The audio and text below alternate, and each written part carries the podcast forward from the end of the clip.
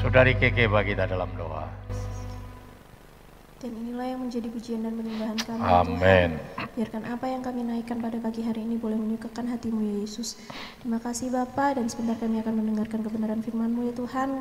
Eh, Mari Tuhan berfirmanlah lewat hambamu ya Yesus dan kami siap untuk mendengarkan firman-Mu.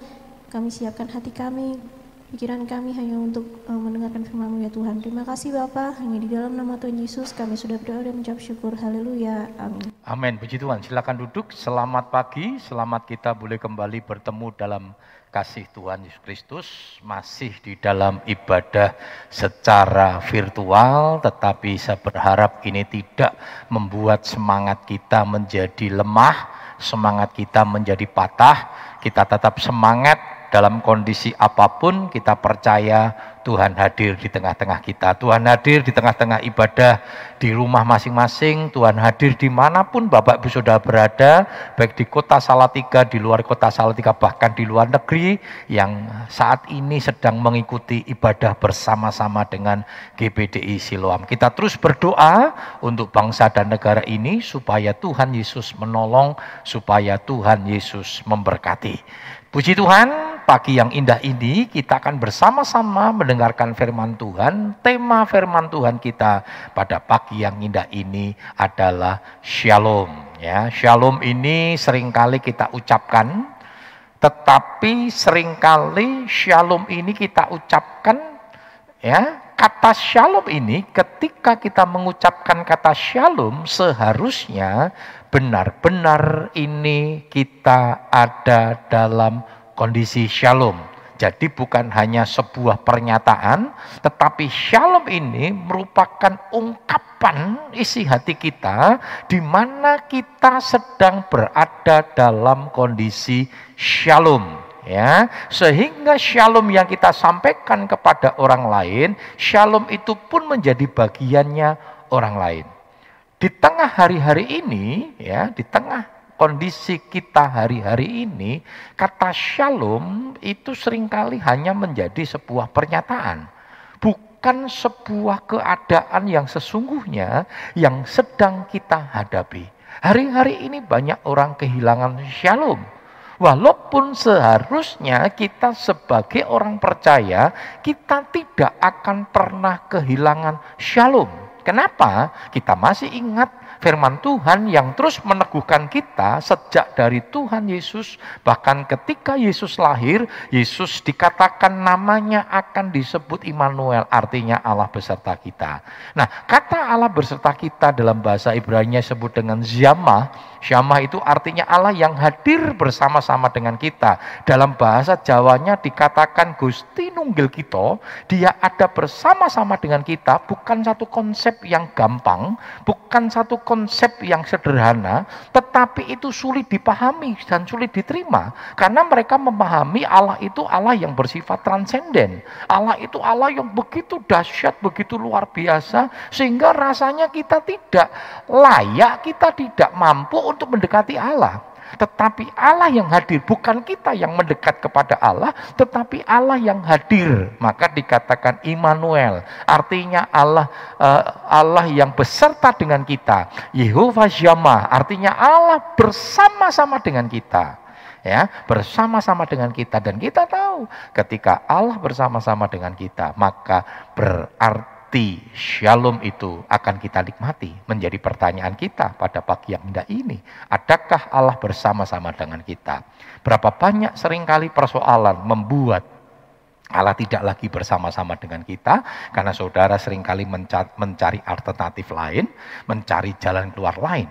Tetapi pagi yang indah ini saya mengingatkan kepada kita semua, shalom itu, damai sejahtera Allah itu yang melampaui akal dan pikiran itu akan menjaga me, apa akan memelihara hati dan pikiranmu.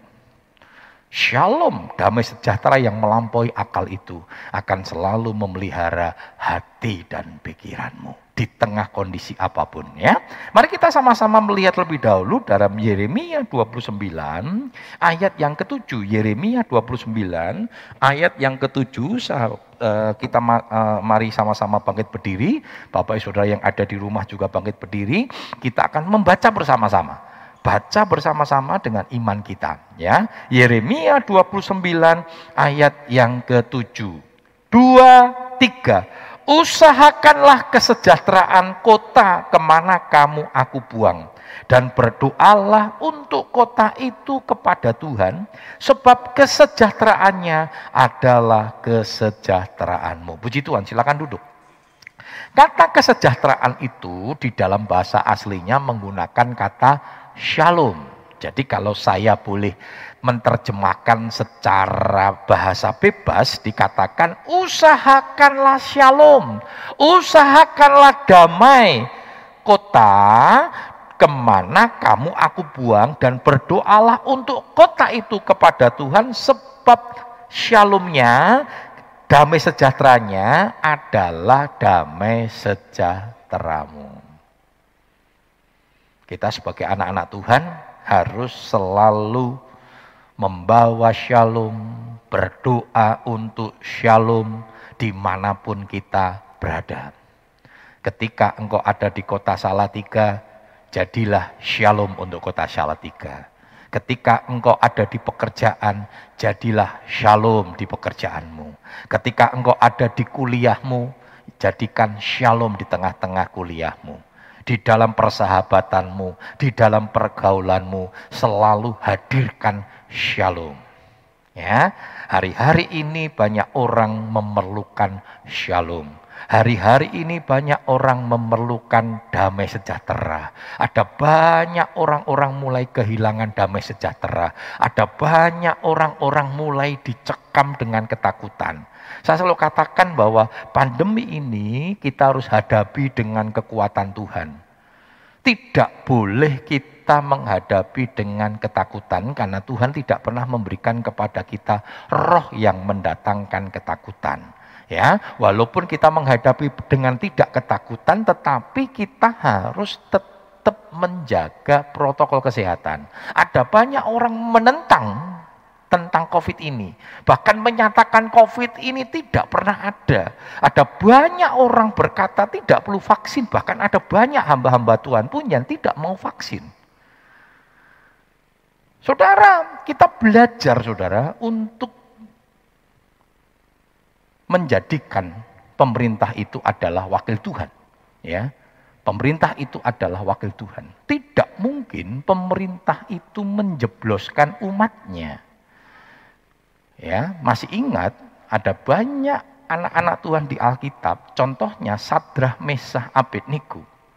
Ya, dan Daniel, dia ada di satu negara Babel di mana negara ini tidak percaya kepada Tuhan, tetapi Sadrah, Mesah, Abednego Daniel ini tetap membawa shalom di tengah bangsa kafir di mana dia bekerja, sudah. Di mana dia bekerja? Maka dikatakan tadi di mana aku buang.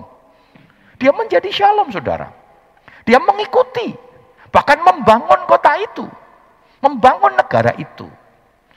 Kecuali ada nilai-nilai ketika kerajaan itu, negara itu ya menentang kehendak Tuhan dan kebenaran Tuhan. Contohnya, ketika mereka harus menyembah kepada patung, wah ini dasar saudara.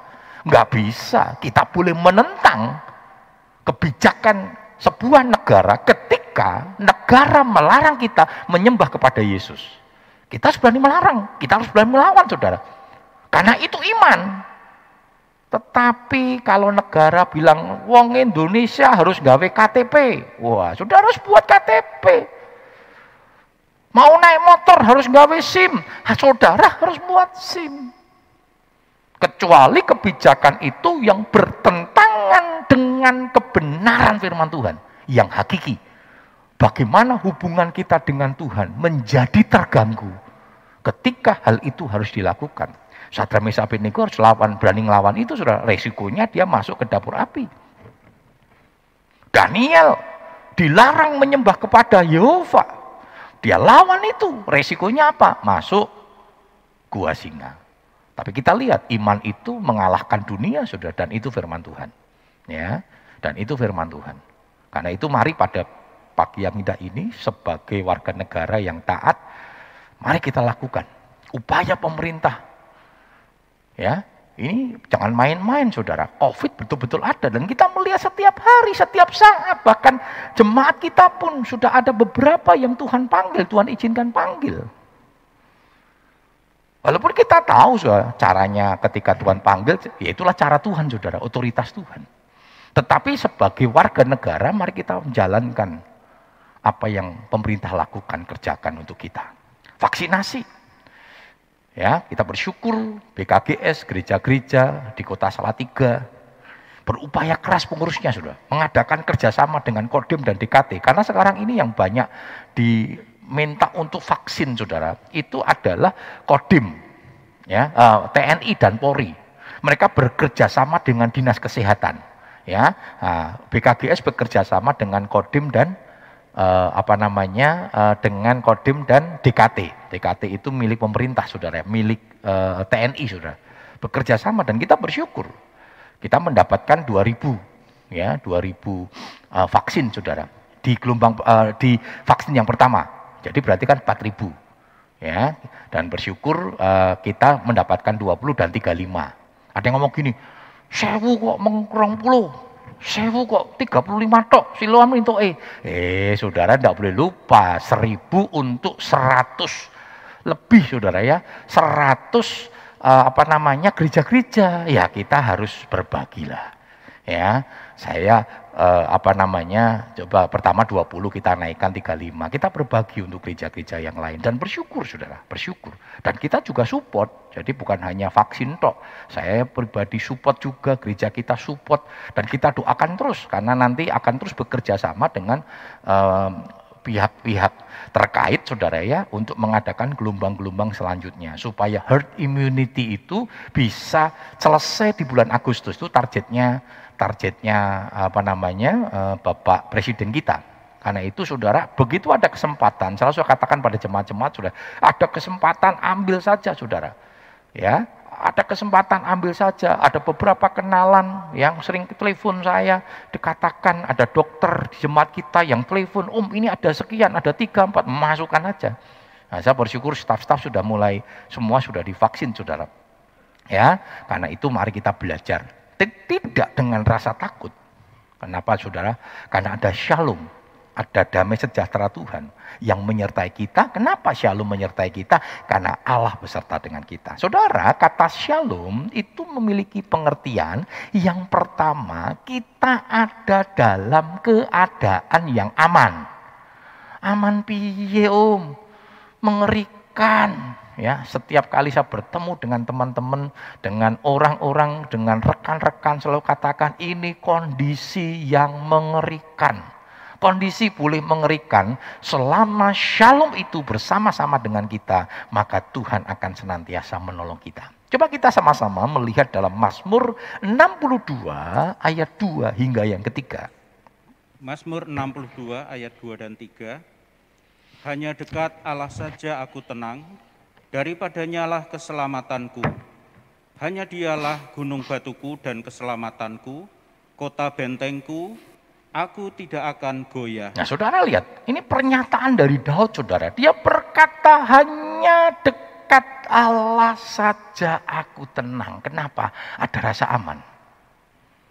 Ada rasa aman saudara. Bersama-sama dengan Tuhan rasa aman. Kenapa ada rasa aman? Karena kita tahu Allah beserta kita. Saudara saya percaya ketika Allah beserta dengan kita, ketika kita disertai dengan satu kekuatan, oh tenang saudara. Tenang.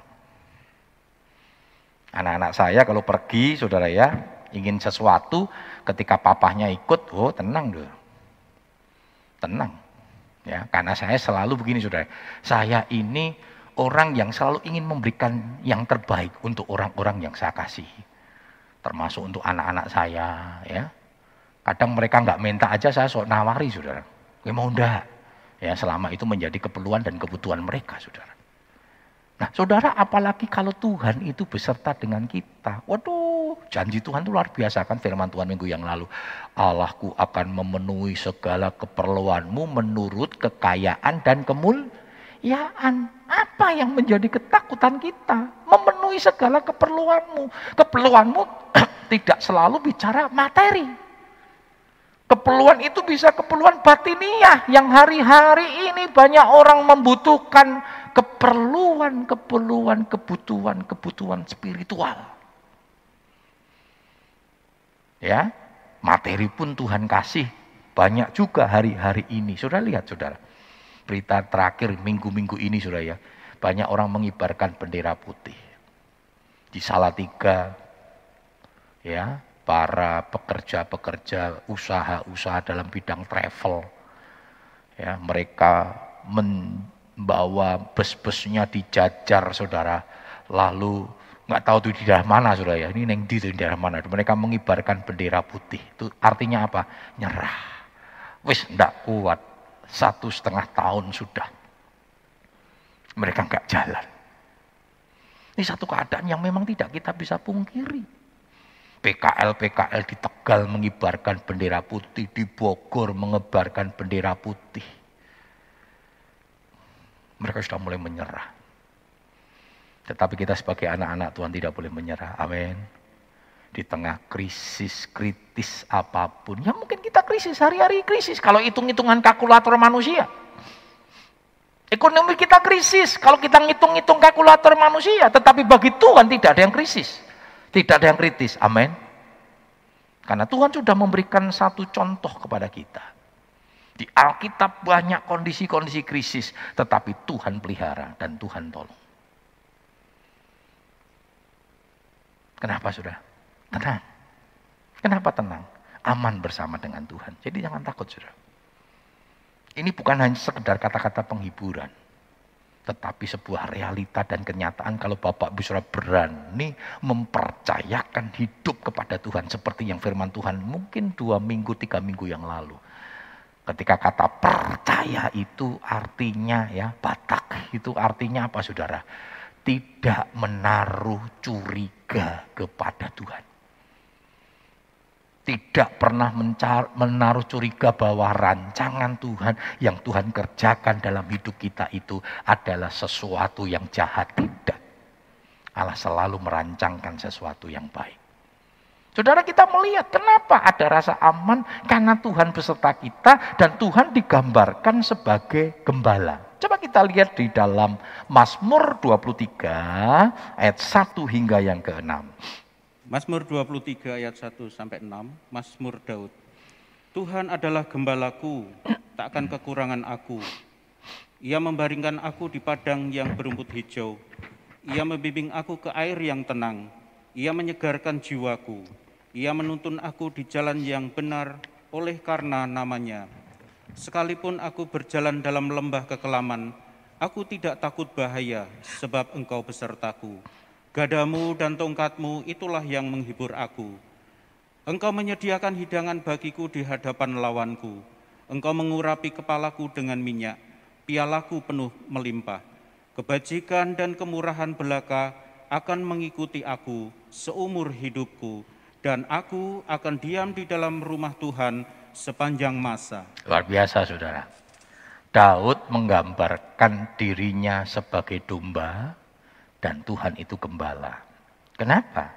Karena Daud menjadi pelaku kisah ini.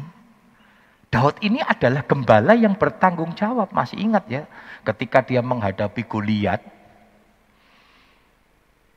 ya dikasih pakaian-pakaian perang saudara, berbaju sirah, pedang yang besar.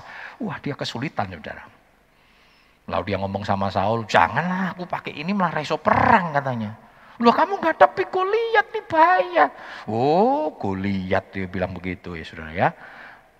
Saya kalau ngembalakan, nggak banyak saudara. Daud itu nggak ngembalakan tiga tiga empat ekor, itu pun punya bapaknya. Jadi jangan berpikir Daud itu gembalanya ratusan enggak saudara, tiga empat ekor. Tapi dia bertanggung jawab. Bahkan ketika Samuel sedang mencari raja pengganti Saul untuk diurapi saudara. Daud sedang ada dalam pengembalaan, dia tidak meninggalkan tugasnya. Ketika dia pergi ke medan perang itu pun karena perintah dari orang tuanya. Ya, dia tidak pernah meninggalkan pengembalaan, saudara. Dia tinggalkan dia. Itu karena orang tuanya. Ayo kamu kasih makan, ya kasih bekal kepada kakak-kakakmu yang ada di medan perang. Makanya ketika dia melihat, dia tanya sama kakaknya, Kakaknya udah tahu sifatnya Daud ini, sudah pemberani. Makanya ditanya, ada apa itu? Wis, kamu tidak usah takut-takut ya. Aku ngerti sifatmu itu. Sing ngeyel, ya, sing terlalu kendel, jangan kekendel. Akhirnya nggak kuat juga sudah ketika dia melihat Yesusnya eh, Allah itu dihina sudah dia datang kepada Saul dan diizinkan. Lalu Daud ngomong apa? Saya kalau jaga domba, kalau beruang datang, singa datang, tak robek itu mulutnya. Wah gimana saudaranya? Dirobek mulutnya itu berarti dia hadapi saudara. Dia hadapi, dia nggak lari saudara. Makanya dia tahu. Tuhan lebih dari dia yang mengembalakan tiga empat ekor. Ketika dia mencoba melindungi Allahnya itu Tuhan itu melebihi itu. Maka dia menggambarkan seperti domba. Dan domba ini adalah binatang yang paling bodoh. Kalau bebal itu keledai saudara. Bebal sama bodoh beda. Orang bebal belum tentu bodoh ya bebal itu selalu jatuh pada kesalahan yang sama ngerti bahwa ini berakibat fatal tapi tetap tahu narkoba itu menghancurkan dan sudah terlalu banyak data, terlalu banyak fakta. Narkoba itu menghancurkan tapi berapa banyak orang bebal ya? Tetap saja. Tahu bahwa korupsi itu nanti akan berakhir ke prodeo, saudara. Tapi berapa banyak pejabatnya masih tetap saja itu namanya bebal, bukan bodoh. Mereka bukan orang bodoh, sudah. Mereka orang pintar.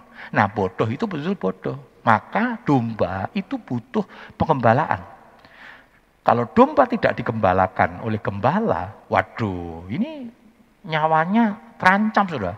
Domba itu makanan empuk bagi serigala, ya bagi beruang. Domba beda dengan kijang. Domba kijang punya kemampuan untuk lari dengan cepat. Domba nggak bisa sudah. Dia terlalu mudah ya terlalu mudah. Makanya Daud menggambar kapan seperti domba ada di tangan gembala yang bertanggung jawab. Sudah kan lihat dan dikatakan Tuhan adalah gembalaku, takkan kekurangan aku. Saya pernah membahas ini. Nanti satu kali kita bahas kembali. Ini nama-nama Allah ada di situ. Yehova Jireh, Yehova Rafa, Yehova Nisi, Sikenu, Yehova Zama. Allah hadir di situ. Ya, jadi kita sebenarnya nggak perlu takut, sudah, Karena Allah menjadi gembala kita. Kita akan merasa aman, ya. Bahkan di tengah musuh kita dikatakan oleh Daud, aku tidak pernah takut bahaya. Bahkan konklusi dari uh, pasal 23, ya, kesimpulan dari pasal 23 dikatakan kebajikan dan kemurahan belaka akan mengikuti aku seumur hidupku dan aku akan diam dalam rumah Tuhan sepanjang masa luar biasa saudara. Ya. Jadi hanya kebajikan dan kemurahan belaka akan mengikuti orang-orang yang percaya kepada Tuhan. Karena shalom itu hanya dinikmati orang yang ada di dalam penyertaan Tuhan. Dan hanya orang-orang yang percaya kepada Tuhan, Tuhan beserta dalam hidupnya. Ya, kenapa saudara? Ketika kita percaya berarti kita mengandalkan Tuhan. Ketika saudara tidak percaya, sama saja saudara merasa tidak memerlukan Tuhan dan saudara menjauh dari Tuhan. Bagaimana Allah akan menyertai kita? Allah tidak pernah memaksakan dirinya untuk beserta dengan kita. Ya, tetapi kitalah yang harus datang kepada Tuhan dan menyerahkan hidup kita untuk disertai oleh Tuhan. Yang kedua, yang pertama shalom itu uh, memiliki rasa aman. Yang kedua, shalom itu artinya tidak ada konflik hidup yang penuh dengan damai sejahtera. Saya dan percaya kita semua merindukan ini walaupun hari-hari ini dunia saudara, dunia banyak mengalami konflik. Banyak mengalami konflik, bahkan negara kita pun banyak mengalami konflik. Tapi kita bersyukur pandemi ini sudah sedikit mengurangi konflik-konflik itu. Ya, konflik antar etnis berapa banyak sudah negara kita ini mengalami konflik antar etnis Orang Madura dengan orang Kalimantan. Di Poso itu peperangan etnis saudara. Yang kita berdoakan, tapi kita bersyukur. Ya, pandemi ini membuat kita harusnya bersatu bergandengan tangan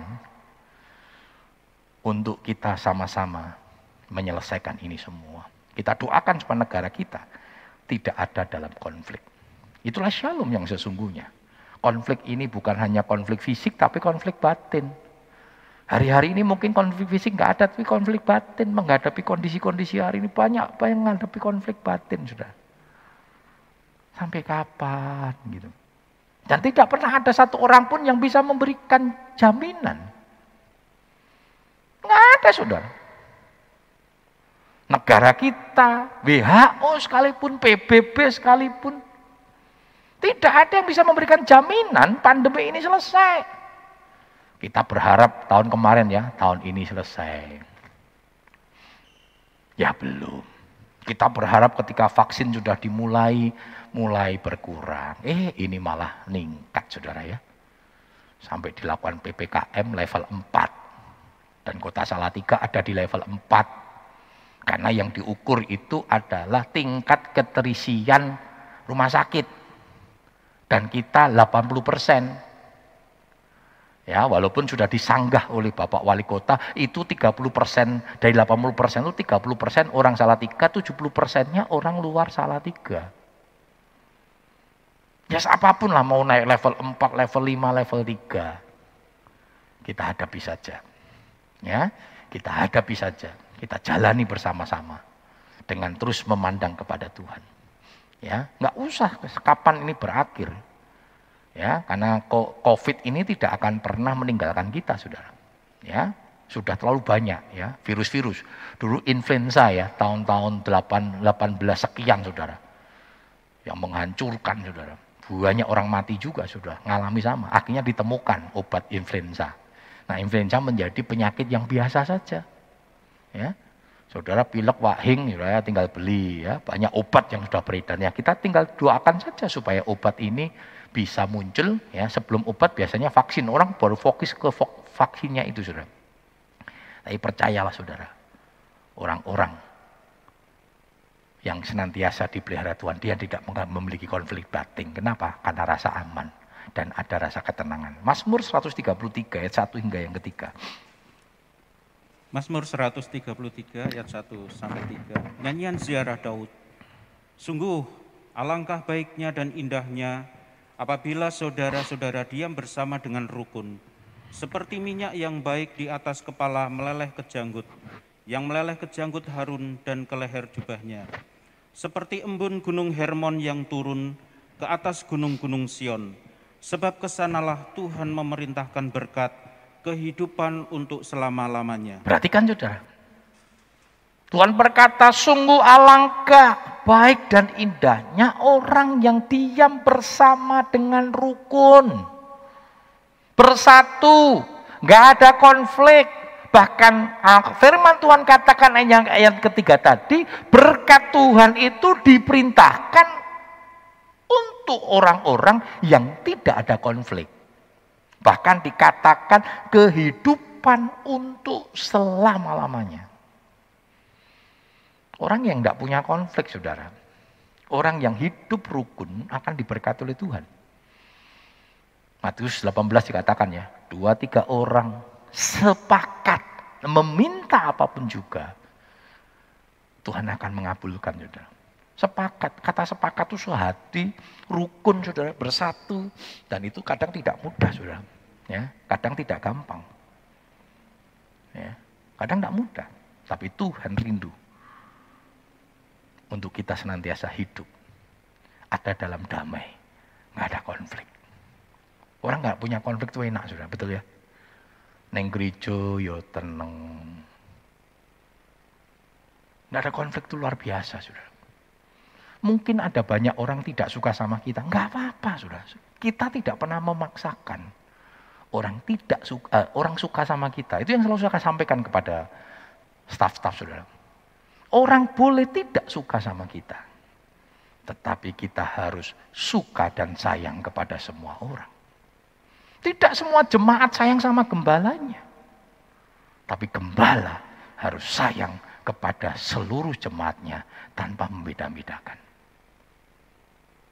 Orang boleh nggak suka sama kita. Orang boleh konflik batin sama kita. Tapi kita sebagai anak-anak Tuhan tidak boleh memberi konflik batin kepada setiap orang. Kalau ada orang nggak suka sama kita, kita cek dan recheck. Kenapa sih kok orang itu nggak senang sama saya? Kalau ada sesuatu yang salah dalam hidup kita, ya kita berdoa minta tolong sama Tuhan supaya kita bisa mengubah. Kalau itu memang sebuah kesalahan. Itu sebuah karakter yang tidak sesuai dengan firman Tuhan. Kita harus belajar mengubah. Ya, kita harus belajar berubah. Tetapi kalau kita cek dan dicek, ya karena orang itu sifatnya karena sudah jealous, saudara. Orang kalau sudah jealous sama orang, saudara, apa pun salah. Ya sudah, terima saja saudara. Yang penting saudara tidak boleh konflik batin kepada setiap orang. Saudara harus memiliki shalom untuk semua orang.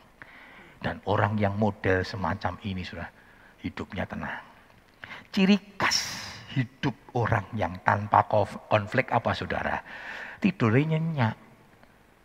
Ya, sudah lihat orang kalau sudah dalam konflik batin, punya masalah, oh gelibak, gelibak, gelibak, gelibak, ya reso turu-turu sudah. Tapi orang yang tenang itu net, aduh ya, orang tidak punya konflik, uh tidur les sudah, pelor sudah, nempel molor ngorok sudah, wah enak luar biasa sudah ya. Coba kita lihat dalam Mazmur 4 ayat 8 sampai 9. Mazmur 4 ayat 8 dan 9. Engkau telah memberikan sukacita kepadaku lebih banyak daripada mereka ketika mereka kelimpahan gandum dan anggur. Dengan tentram aku membaringkan diri, lalu segera tidur, sebab hanya Engkaulah ya Tuhan yang membiarkan aku diam dengan aman. Iya, saudara. Berarti kan tanda seorang yang tidak ada konflik adalah bisa tidur dengan nyaman, dengan nyenyak. Bagaimana tidurmu malam hari tadi kemarin? Wah, libat libat mikir ke utang om, mikir ke beras om, waduh. Ya kalau nggak mau mikir ke utang nggak usah utang saudara ya. Ada banyak orang stres gara-gara utang. Kenapa? Ya ngutang kok saudara, nggak usah utang saudara. Hiduplah sesuai dengan apa yang Tuhan berikan dalam hidupmu dan ngandelin Tuhan saudara. Itu yang saya kerjakan dan lakukan. Dulu waktu pembangunan gereja banyak, saya punya kenalan banyak di kota Solo sudah. Saya dulu juga pernah kerja di sebuah kontraktor sehingga pernah kenal banyak dan teman-teman saya banyak juga yang bergerak di bidang uh, apa namanya uh, toko besi dan sebagainya. Bagus, jiku owai. Saya bilang, oh belum ada dananya. Gampang, bayar rasa dipikir, oh, enak wae rasa dipikir ya. Ya tetap dipikir, berarti ketika saya ngambil burung bayar itu utang. Nah, setelah nanti utang, utang, utang, utang, ya ke sana kemari kita bingung sudah nyari dana. Ada yang datang sama saya, Om, tolong Om bantu. Kenapa? Wah ini gue bayar utang nih. Kemarin tuh ngambil material utang. Oh, jangan utang. Tuhan nggak pernah berutang. Ah, gara-gara kita kok gereja jadi berutang. Lalu bilang, ini kan pekerjaan Tuhan. Oh nanti dulu sudah. Saya terlalu yakin, kalau memang sudah waktunya, rausah ngutang saudara. Pekerjaan Tuhan di kota Solo itu tanpa ngutang. Saudara. Itu mujizat. Datang woy. pokoknya datang saja. Ya, ketika dananya sudah mulai menipis, saya katakan sama jemaat begini, yuk berdoa yo, berdoa supaya Tuhan tolong. Dan saya nggak mengutang, sudah. Lalu cuma ngomong gini aja om, nek minggu kita kerja bakti om, jadi ngurangi, ya ngurangi bayar tukang. Wah minggu kita kerja, kerjakan ya sing iso mlester ya mlester. Saya ora iso mlester, ora mlester paling malah pating pletot ya paling kan gembalane sing ngaduk ya. Kadang begitu ngaduk jemaati, "Om, jangan Om, ojo ngaduk, Om duduk ae, Om." Ya, Saudara. Tapi kami nggak pernah berhenti. Cara Tuhan itu luar biasa, ya. Cara Tuhan itu luar biasa, ya. Saudara yang ketiga, pertama keadaan aman, ya. Yang kedua, tidak ada konflik, yang ketiga, kata shalom itu artinya pembawa damai.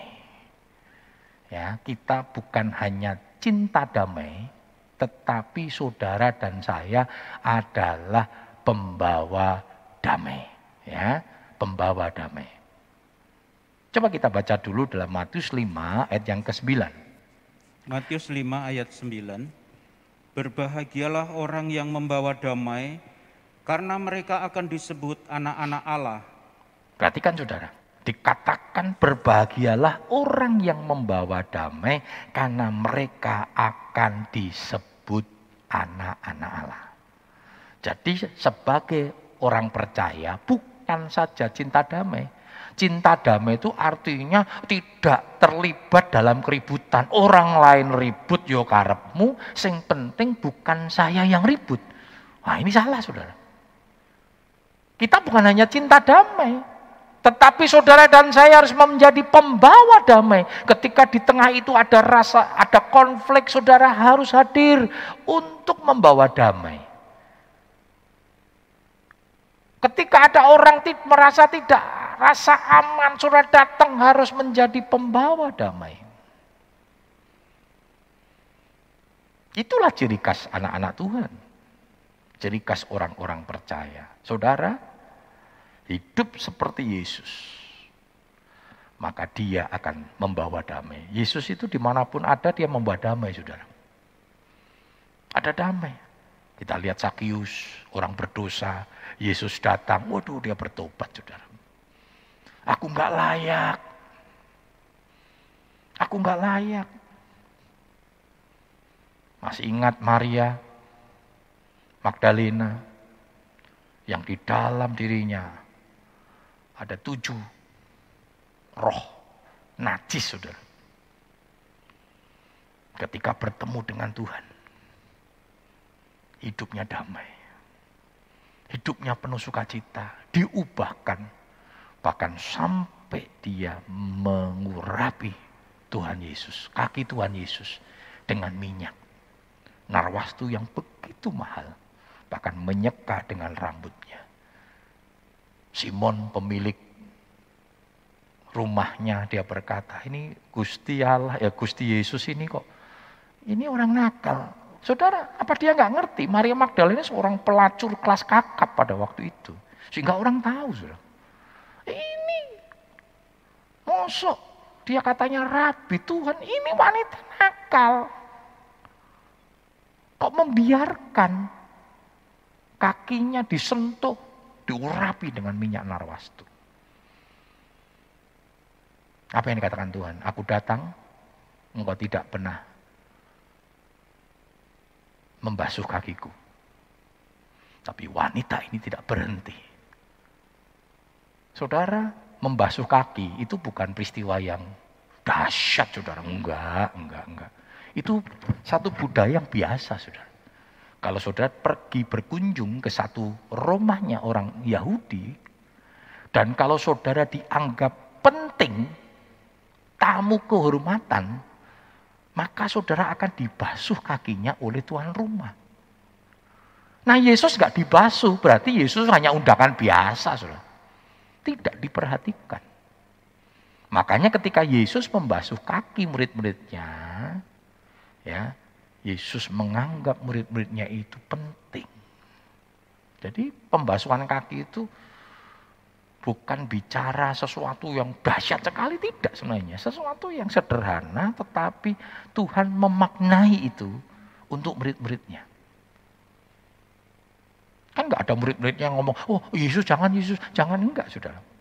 Karena itu sesuatu budaya yang biasa. Saudara. Mereka nyamil, oh, Tuhan ah, kenapa enggak sekalian dimandikan saja, katakan gitu sudah ya. Orang percaya harus menjadi pembawa damai. Coba kita lihat Filipi 2 ayat 1 hingga yang kelima.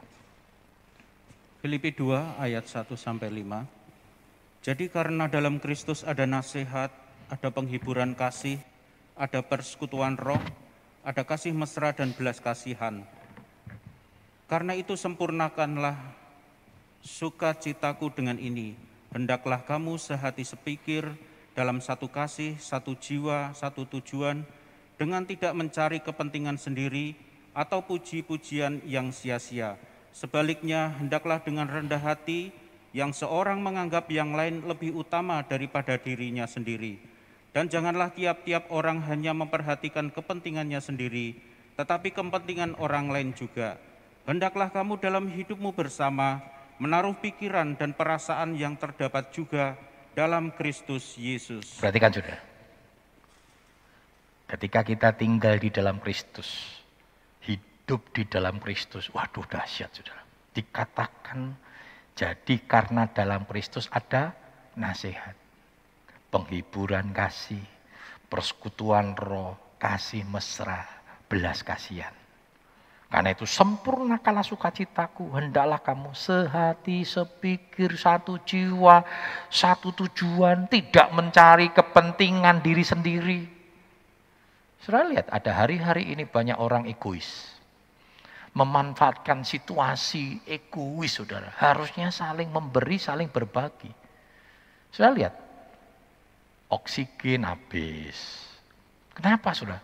Yang tidak berkepentingan dia simpan stok itu.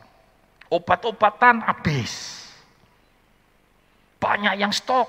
Bahkan penjual-penjual menaikkan harga sampai lima kali lipat, sepuluh kali lipat. Ini bentuk egois yang luar biasa. Hari-hari ini banyak orang egois sudah mencari keuntungan. Sama masih ingat waktu gempa. Ya, gempa di Klaten, Jogja dulu sudah ya. Saya langsung bergerak. Karena kebetulan saya majelis wilayah sudah. Untuk Klaten. Sehingga banyak hamba-hamba Tuhan ngomong, Mas Agus, waduh, kita hancur gereja dan sebagainya, kita ada di pengungsian. Kita butuh sembako. Saya bilang sama istri saya, waktu itu saya punya uang untuk beli buku kalau nggak salah. Tapi yang dari luar sudah, yang dari Amerika. Saya bilang sama istri saya, wis Mi, ini uang yang ada kita belikan sembako ya. Saya kirim sembako, saya tantang jemaat saudara. Terkumpul pada waktu itu kurang lebih sekitar 2-3 juta. Kita bawa sudah. Dalam perjalanan ada rekan yang di Jogja bilang, Mas Agus tolong kami. Akhirnya sudahlah kita beli di daerah Jogja. Sudah tahu, Indomie yang pada waktu itu mungkin sekitar 30-an satu dus, itu menjadi 100 ribu. Sampai saya bilang, Pak, Pak kondisi gini yo, tok yo, masih cari untung loh. Cari untung. Lalu kita kirimkan, ya sudah, sudah. Lalu ndak berapa lama kemudian sumbangan-sumbangan, waduh luar biasa. Sampai orang kelebihan sudah pergi ke Jogja, ada satu toko yang jual mie instan berbagai macam merek. Kenapa saudara? Karena yang dapat-dapat sudah ditampung banyak, didol meneh saudara. Jadi podoai, egois semua. Kita perlu hidup seperti Yesus supaya tidak egois. Ketika Yesus datang ke dalam dunia, dia tidak egois. Ketika dia berikan nyawanya untuk kita, dia tidak egois. Bahkan sampai dia berkata, serigala ada liangnya, burung ada sarangnya, tapi aku tidak punya tempat untuk meletakkan kepala. Karena Yesus tidak egois. Mari pagi yang indah ini, karena ketidak egoisan Yesus dia mati buat kita dan sebentar kita akan menikmati tubuh dan darahnya. Karena Yesus tidak egois. Yesus datang membawa damai. Yesus datang membawa shalom. Hari ini ada yang kehilangan shalom, datang sama Tuhan. Minta ampun sama Tuhan karena kita sudah tidak lagi mempercayakan hidup kita kepada Tuhan sehingga shalom itu hilang. Atau karena kesulitan hidup, kondisi-kondisi hari ini membuat shalom itu menjadi hilang. Percayakan hidupmu kembali kepada Tuhan dan biar Tuhan yang bekerja dalam hidup kita. Karena apa yang Tuhan kerjakan dalam hidup kita selalu indah dan mendatangkan damai sejahtera. Pak Ferry bagi kita dalam doa. Tuhan. Terima kasih. Syukur Tuhan. Kami sudah menerima perjamuan suci daripadamu Tuhan Yesus. Bila ini memberkati setiap kami Tuhan yang sudah menerimanya Tuhan. Kami yang di tempat ini, kami yang di rumah kami masing-masing Tuhan Yesus. Kau yang memberkati setiap kami Tuhan Yesus. Kau yang menyertai setiap kehidupan kami Tuhan. Kami ucap syukur buat firman-Mu Tuhan Yesus. Bila firman-Mu ini tertanam dalam setiap kehidupan kami Tuhan Yesus. Berkati hambamu yang telah menyampaikan firman-Mu Tuhan. Di mana pun hambamu berada Tuhan Yesus, Engkau yang tetap menyertai, Engkau eh, tetap memberkati Tuhan. Terima kasih, makasih Tuhan. Kami ucap syukur buat firman-Mu Tuhan Yesus. Dan kami sudah berdoa dan mengucap syukur. Haleluya Tuhan. Amin.